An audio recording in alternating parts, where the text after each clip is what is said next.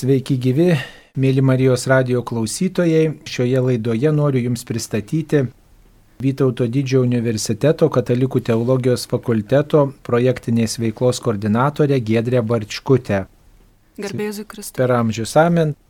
Mėla Gedrė, Jūs dalyvavote kartu su kitais bendraminčiais Lietuvos parapijų poreikių ir galimybių tyrimė.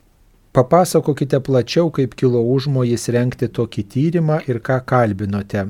Jūsų tyrimo tikslas buvo susipažinti ir kažkaip apibendrinti Lietuvos parapijų poreikių ir galimybių sritį.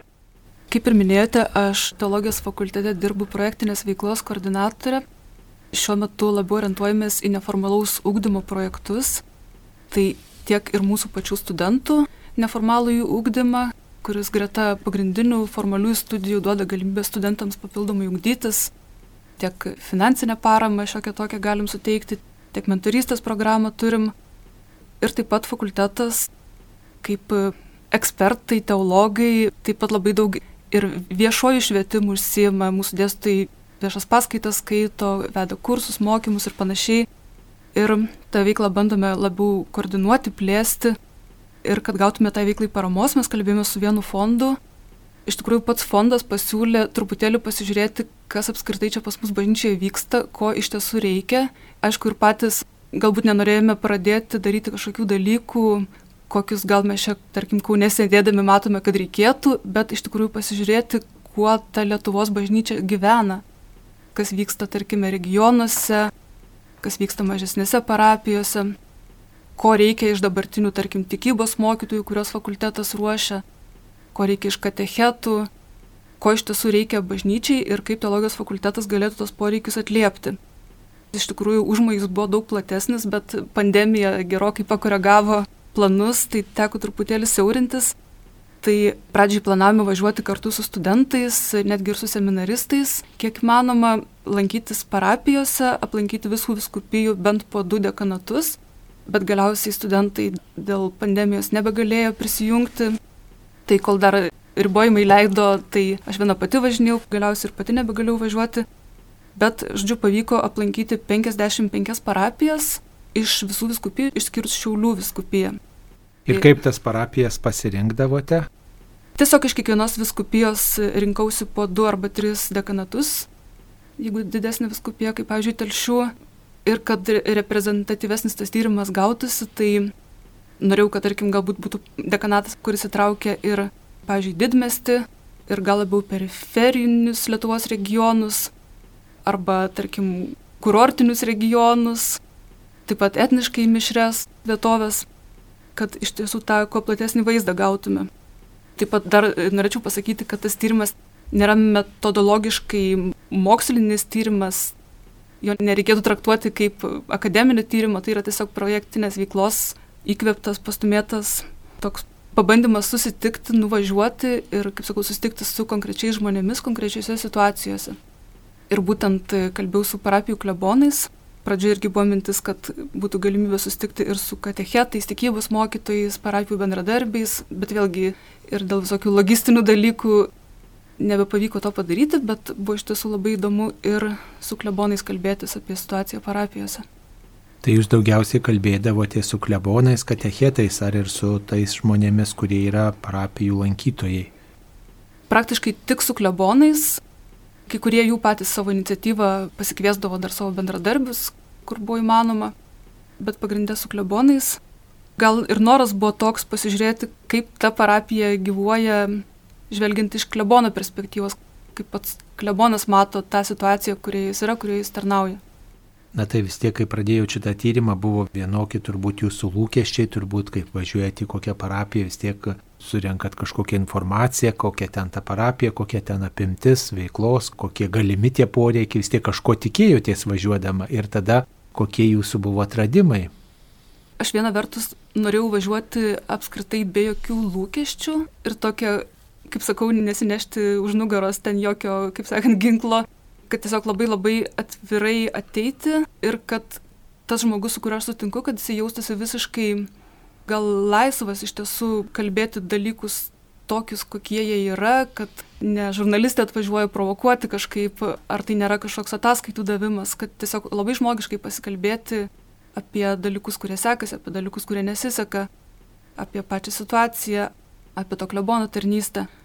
Ir kita vertus, taip pat, aišku, bandžiau kelti tam tikras iš ankstinės prielaidas ir tuo pačiu pasižiūrėti, ar tarkim, na, tam tikros aktualijos, kurios dabar galbūt vyrauja, vyksta vis dėlto yra diskusijos, kaip čia bažnyčios gyvenimas turėtų vykti, koks pasauliečių vaidmuo turėtų būti, gal ir kritikos yra kažkokios tokios išsakoma. Ir kažkaip labai labai konkrečiai pasižiūrėti, tarkim, ar ta kritika, kurią mes girdime, kur jinai yra nukreipta, kaip viskas atrodo, kai mes tą situaciją iš tiesų pasižiūrim iš arti ir išanalizuojam ir ar mes kritikuojam kažkokias abstrakcijas, ar mes kritikuojam kažkokius labai konkrečius dalykus. Tai va toks noras taip pat buvo. Tai kas jūs nustebino, kas jūs nudžiugino, vis tiek kokius tokius išvadas prieijote? Iš tikrųjų buvo labai gera pačiai apvažiuoti visą Lietuvą ir pamatyti tą pilną bažnyčios vaizdą, kurio, tarkim, čia aš gyvendama Kaune tikrai nematau. Čia galbūt galim ir susidaryti vaizdą, kad ta mūsų bažnyčia tokia labai aktyvi, visokių dalykų, renginių vyksta, tikintieji aktyvūs, įsitraukia į parapijos veiklą ir tą bažnyčią pamatai visokią, bet kita vertus nemažiau gražią kai kuriais atžvilgiais ir tokių visokių galbūt mažų dalykų, kurių mes galbūt nematome, kurie galbūt nepatenka į ataskaitas, kai vyksta, tarkim, viskupų vizitacijos, tokių ir kūrybingumo apraiškų, ir žmogiškumo apraiškų. Tarkim, nuvažiuoji visiškai Lietuvos užkampį ir sutinki labai išsilavinusius kunigus tarnaujančius arba irgi atrodytų mažytė parapija ir ten parapiečiai aktyviai veikia. Ar galima tas parapijas kažkaip palyginti, kažkokias išvesti paralelės ar, ar kažkokius tokius bendrus vektorius, na, tokius kažkokius dalykus, kurie būtų tarsi kriterijai visoms parapijoms e, vertinti. Prieš rengdamas iš tam tyrimui galvojau, ar apskritai yra įmanomi kažkokie universalūs kriterijai, pagal kuriuos būtų galima vertinti visas parapijas. Ir gal netgi dalis, tarkim, kritikos kyla iš to, kad mes įsivaizduojam, jog tie universalūs kriterijai yra, bet kai pamatai tų situacijų skirtingumą, supranti, kad reikia labai labai ir skirtingo žvilgsnio į tas skirtingas situacijas. Tai turbūt vis tiek reikėtų išskirti didmešių parapijas, tada dekanatų centrus ir tada jau visos likusios mažų miestelių, kaimelių, parapijos, kurių gyvenimas dar kitoks yra, kur nėra ir tiek resursų, ir žmonių, ir labai emigracijos yra paliestos vietos, arba, tarkim, gyventojų senėjimo likę vien vyresnio amžiaus žmonės. Ir tu supranti, kad ir klebono galimybės ten kažką, kažkokią salovadinę veiklą vystyti, ar, tarkim, su jaunimu dirbti, yra labai labai ribotas iš tikrųjų. Tiek ir finansinės galimybės. Taip pat buvo irgi įdomu pasižiūrėti specifiką kurortinių miestų, kaip, pavyzdžiui, Palangos, iš kito mažesnio miestelio, bet irgi iš, iš pajūrio krašto. Klebonas sako, jeigu aš noriu su jaunimu dirbti, jaunimas man pirmiausia atsiunčia savo darbo grafikus ir jau tada žiūrime, ką galim padaryti. Nes jaunimas sezono metu darbuojasi, yra užsiemęs ten ledus pardavinėja kažkur gatvėse. Tai vėlgi, kaip ten su jaunimu, tarkim, dirbti ar ne. Tada rytų Lietuva, kur yra Lenkų tautybės žmonių ar nedaugiau gyvena, arba Rusų tautybės žmonių vėlgi kaip ten visokių kyla ir įtampų truputėlį, kaip ten silovadą vykdyti, vėlgi labai labai skirtingo prieimo reikia. Tai va tokie įdomus dalykai. Na, turbūt yra dalykai, kurie yra turbūt panašus visose parapijose, ar tokių užtikot, kur visoje Lietuvoje, ar nuvyktumėte į miestą ar į kaimą, galima išvelgti bendrus dalykus, ar surado tokių tų poreikių ir tų galimybių, kurie yra ir mieste, ir kaime, ir dideliai, ir mažoj parapijoje. Sakyčiau, vis dėlto kaimiškų vietovių parapijos, mažų miestelių, vis dėlto skiriasi žmonių mentalitetas, bent jau kaip patys klebonai dalinosi, žmonės labai sunkiai naujoves priima, apskritai gal labai sunkiai jie įsivaizduoja, kaip bažnyčia galėtų būti dar kažkas greta to, prie ko jie yra pripratę, tarkim, kad bažnyčia tai yra kažkokie tiesiog religiniai patarnavimai, mišos sekmadieniais, galbūt atlaidai, galbūt kažkas tokio, bet kad dar galėtų vykti kažkokios paskaitos, šviečiamoji veikla, arba kad ištikus sunkumams pas kleboną galima įti pasikalbėti, tarkim, dvasinių pokalbių. Tai tokie dalykai pakankamai sunkiai skinasi kelią ir kai kuris atvejais netgi ir labai kūrybingiams klebonams yra gal nelengva sugalvoti, kokią ten veiklą galima vykdyti.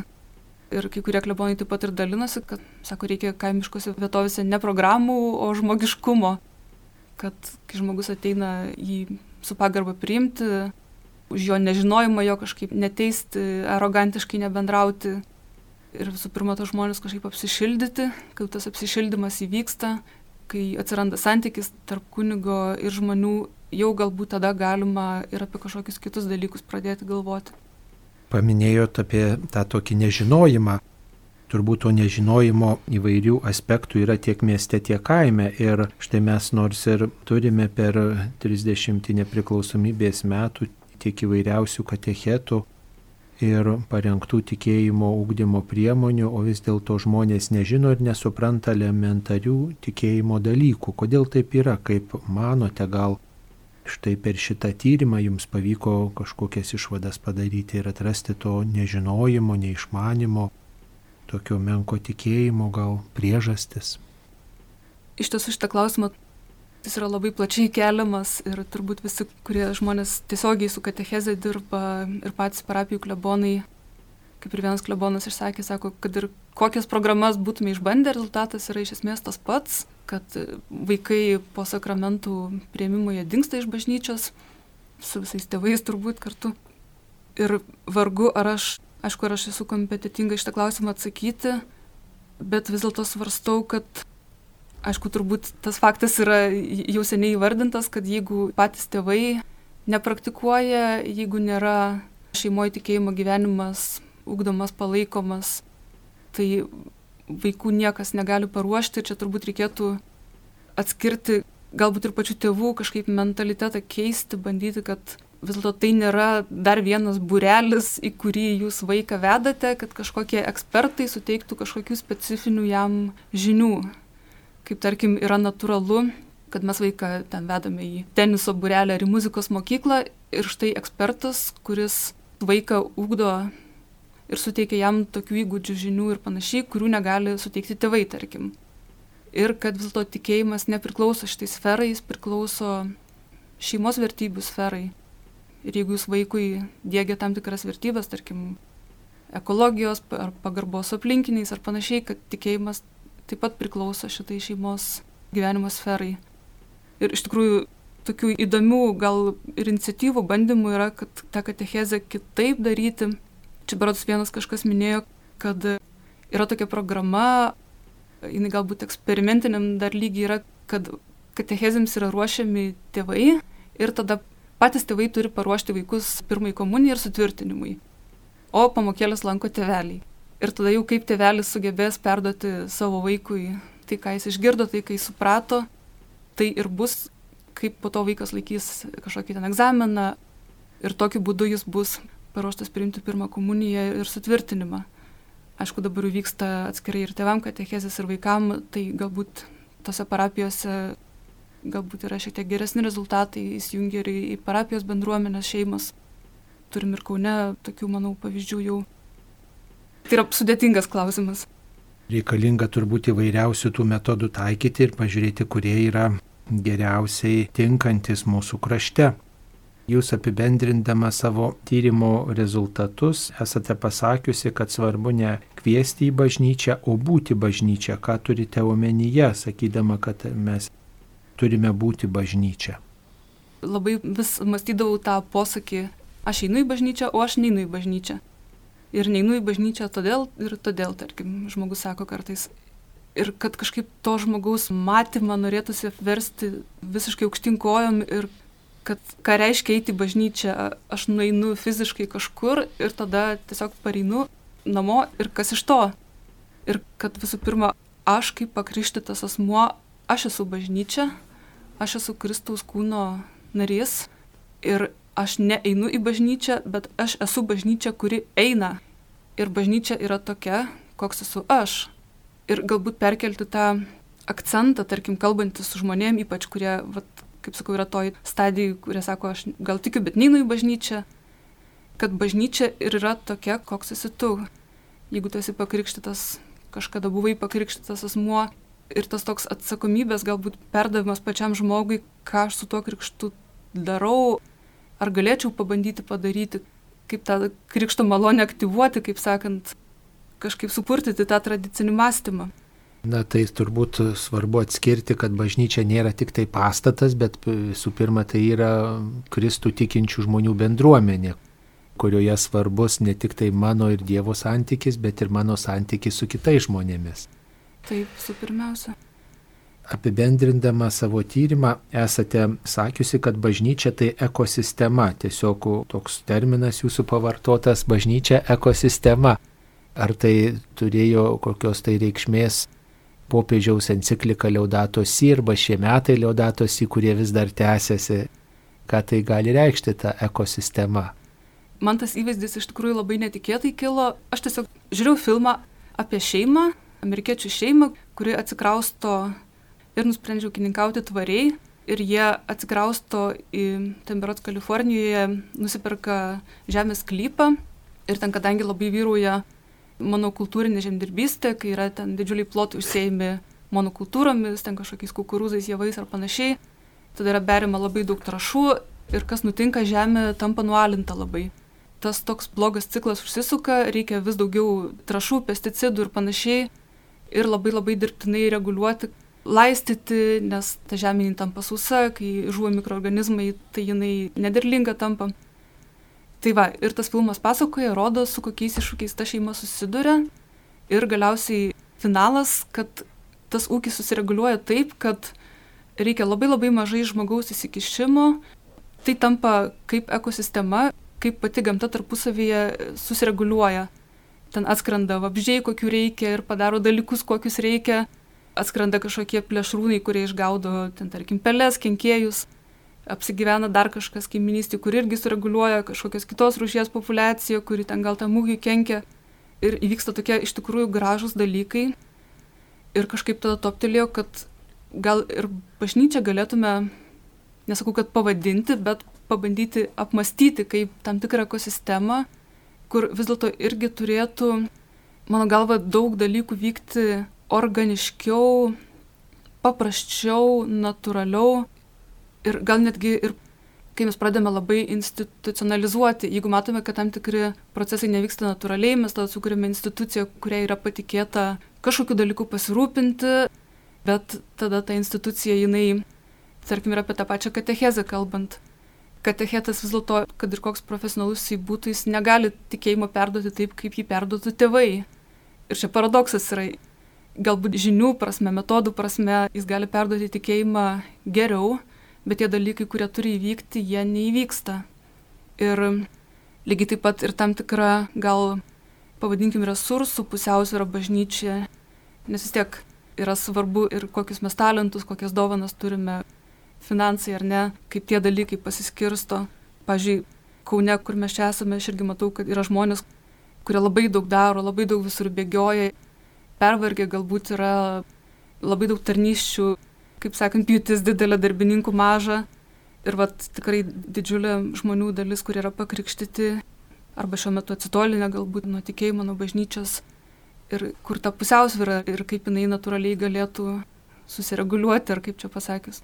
Tai turbūt ir būtų tas didysis klausimas, kaip prakalbinti tuos žmonės, kurie yra tik tai tokie proginiai, ateina tam tikromis progomis į bažnyčią ir visos tos kunigo arba katechetų pastangos bendrauti, parodyti Kristaus meilę, atrodo, kad neveikia. Tai gal jūs šio tyrimo metu kažkaip atradote bent jau keletą tų būdų, kuriais pavyksta prakalbinti tuos retai bažnyčio ateinančių žmonės ir įtraukti į bendruomenę, pažadinti jų tokį didesnį tikėjimą.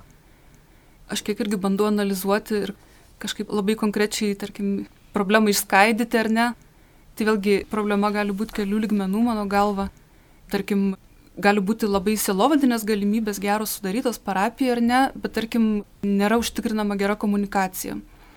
Kad ir mano parapijoje, tokį neseną pavyzdį atsimenu, po sekmadienio mišių kunigas paskelbė skelbimus ir kaip tik čia vyko vyrų pasninko diena.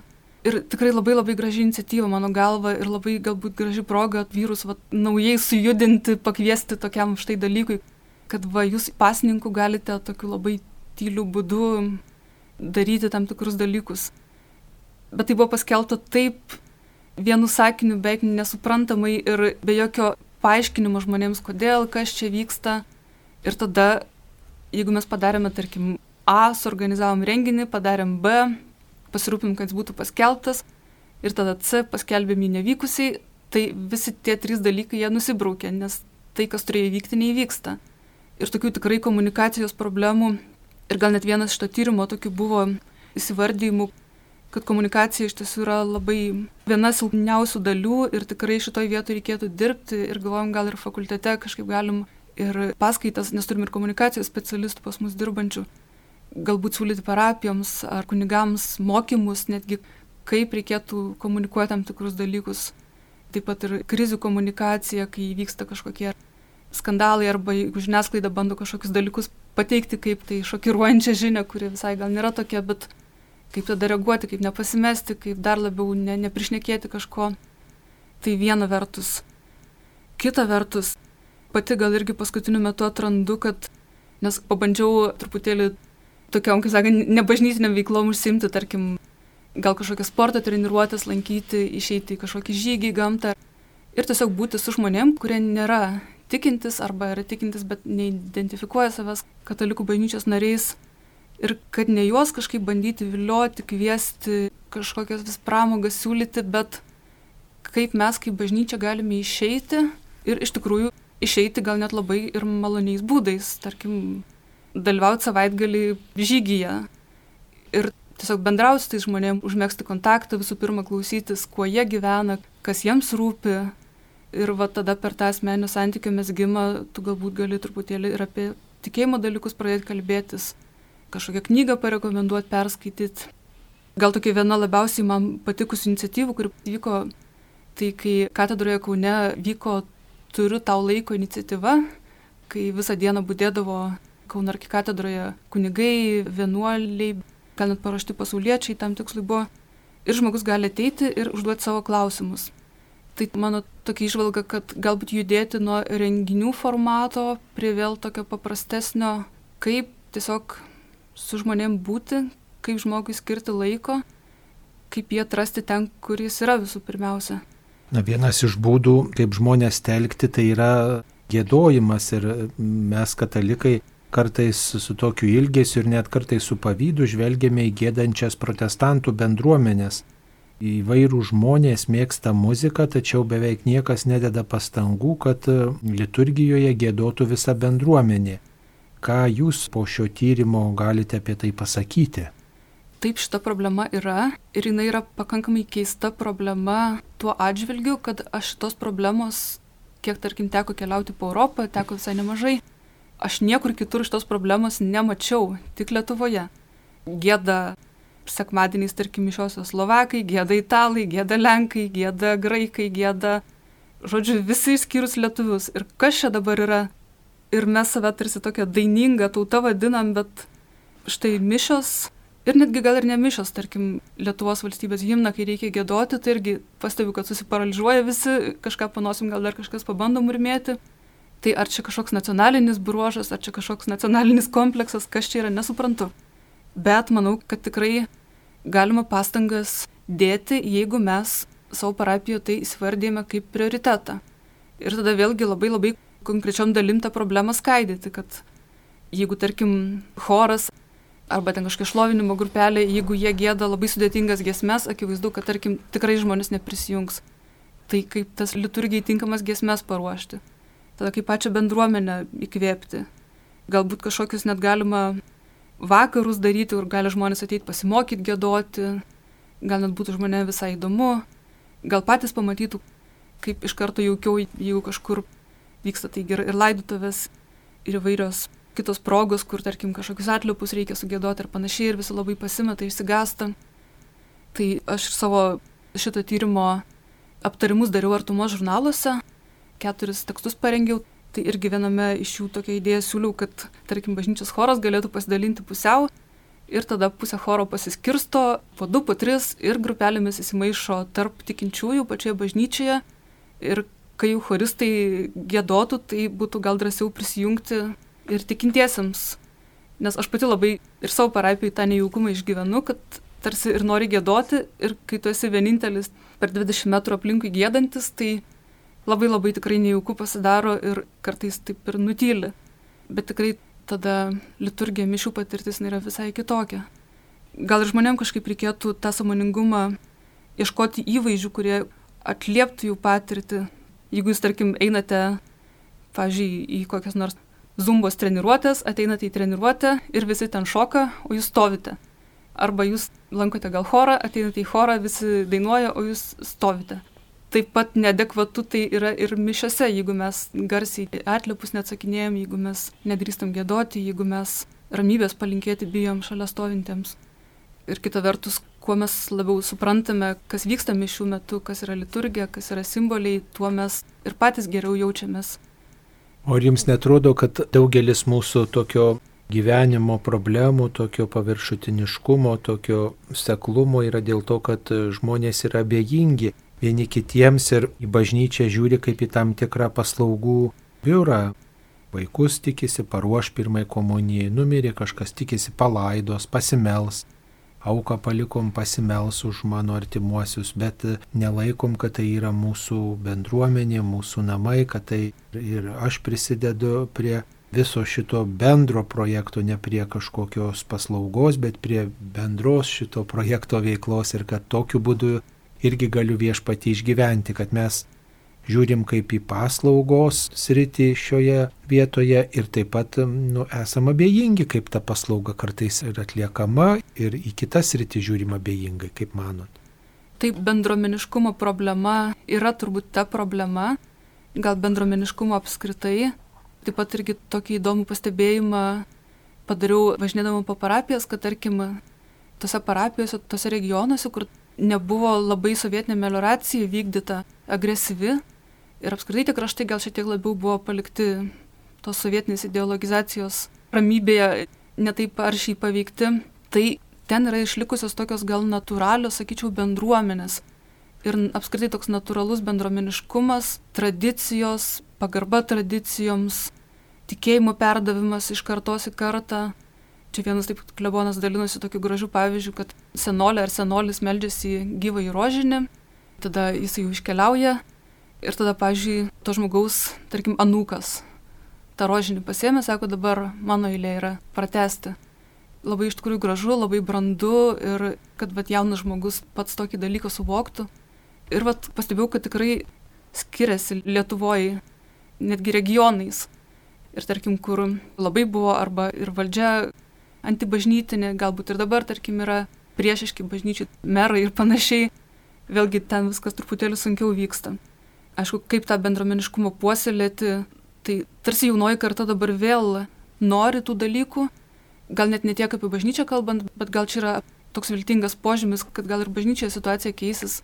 Tarkim, vyksta kaimynų dienos, kai kiemas, aš pati irgi norėčiau ir organizavom savo kieme prieš kelis metus kaimynų dieną, kai susirinki kieme, ten kažką kepam kartu, bendraujam, susipažįstam.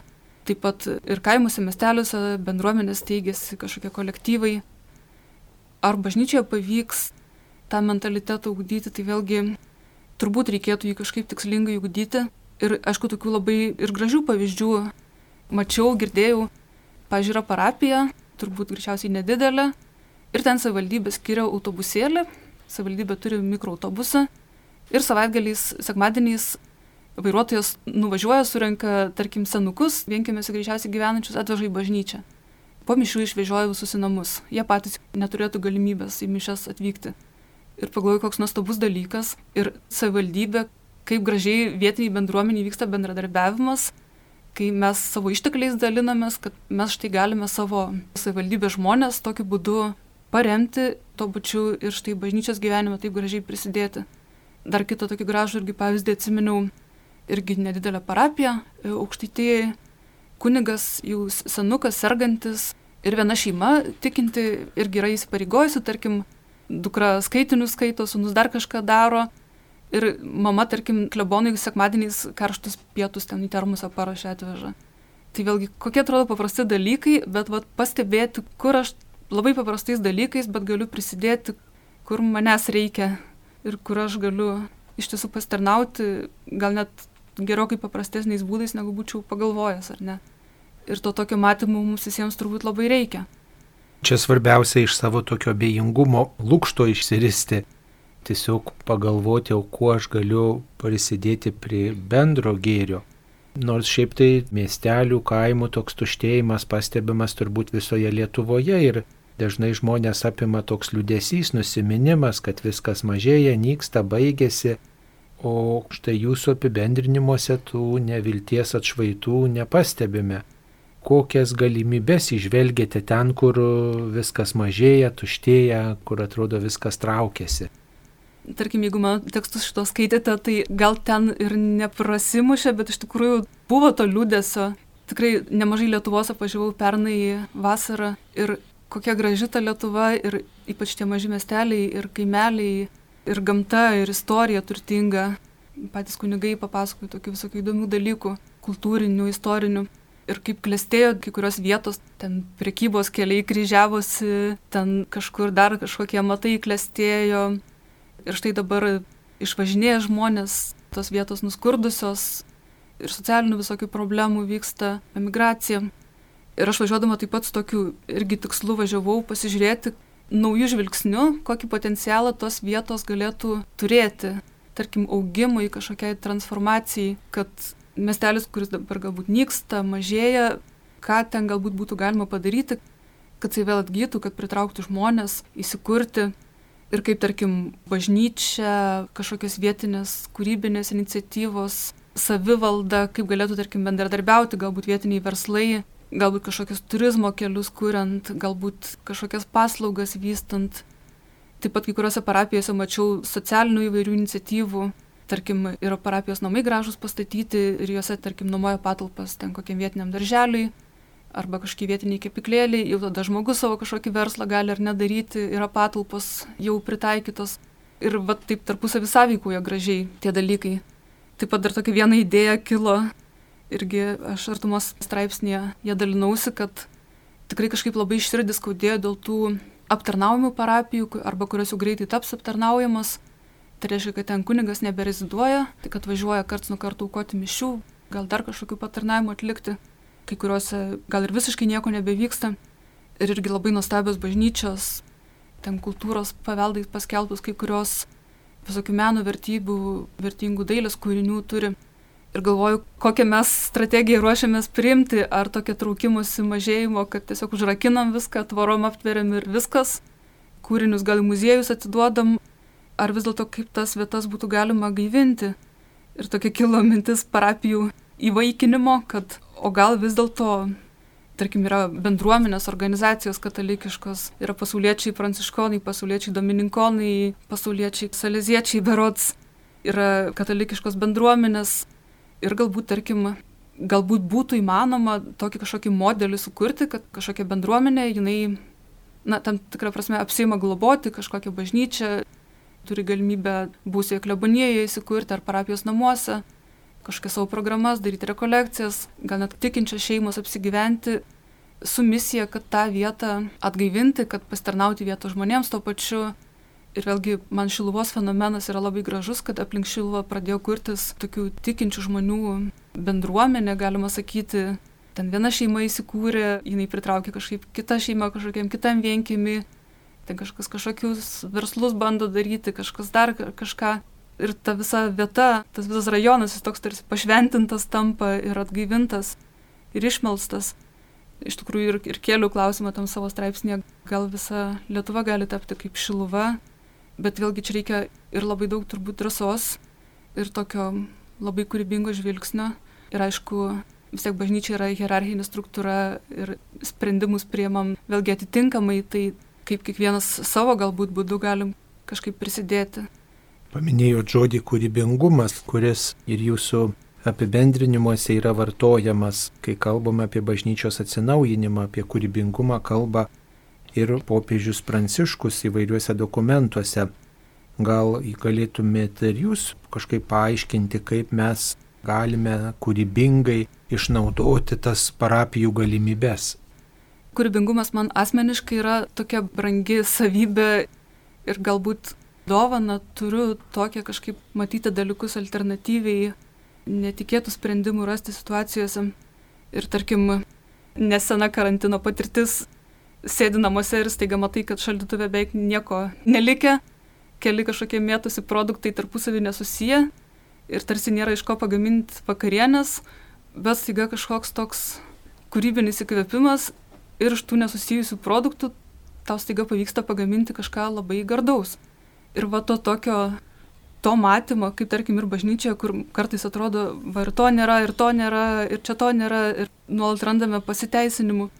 Ir kaip vat galima iš, kaip sakant, tų dalykų, kurių nėra, tikrai sukurti kažką, kažką vertingo ir, ir pasižiūrėti galbūt, kaip tarkim, situacijos, kurios atrodo be išeities, kokie alternatyvūs galėtų būti sprendimai.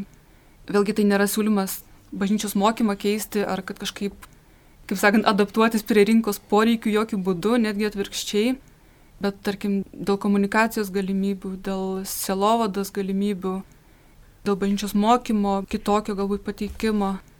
Ir kaip tą kūrybingumą ugdyti, tai tokio vieno atsakymo galbūt nėra, bet turbūt padeda save kažkaip išimti iš, jeigu save sugebam išimti iš įprastinių situacijų, tai gali būti į kelionę galbūt išvykti, arba jeigu vis laik vykstame į pilgriminės keliones, gal vykti į kažkokią visai kitokią kelionę.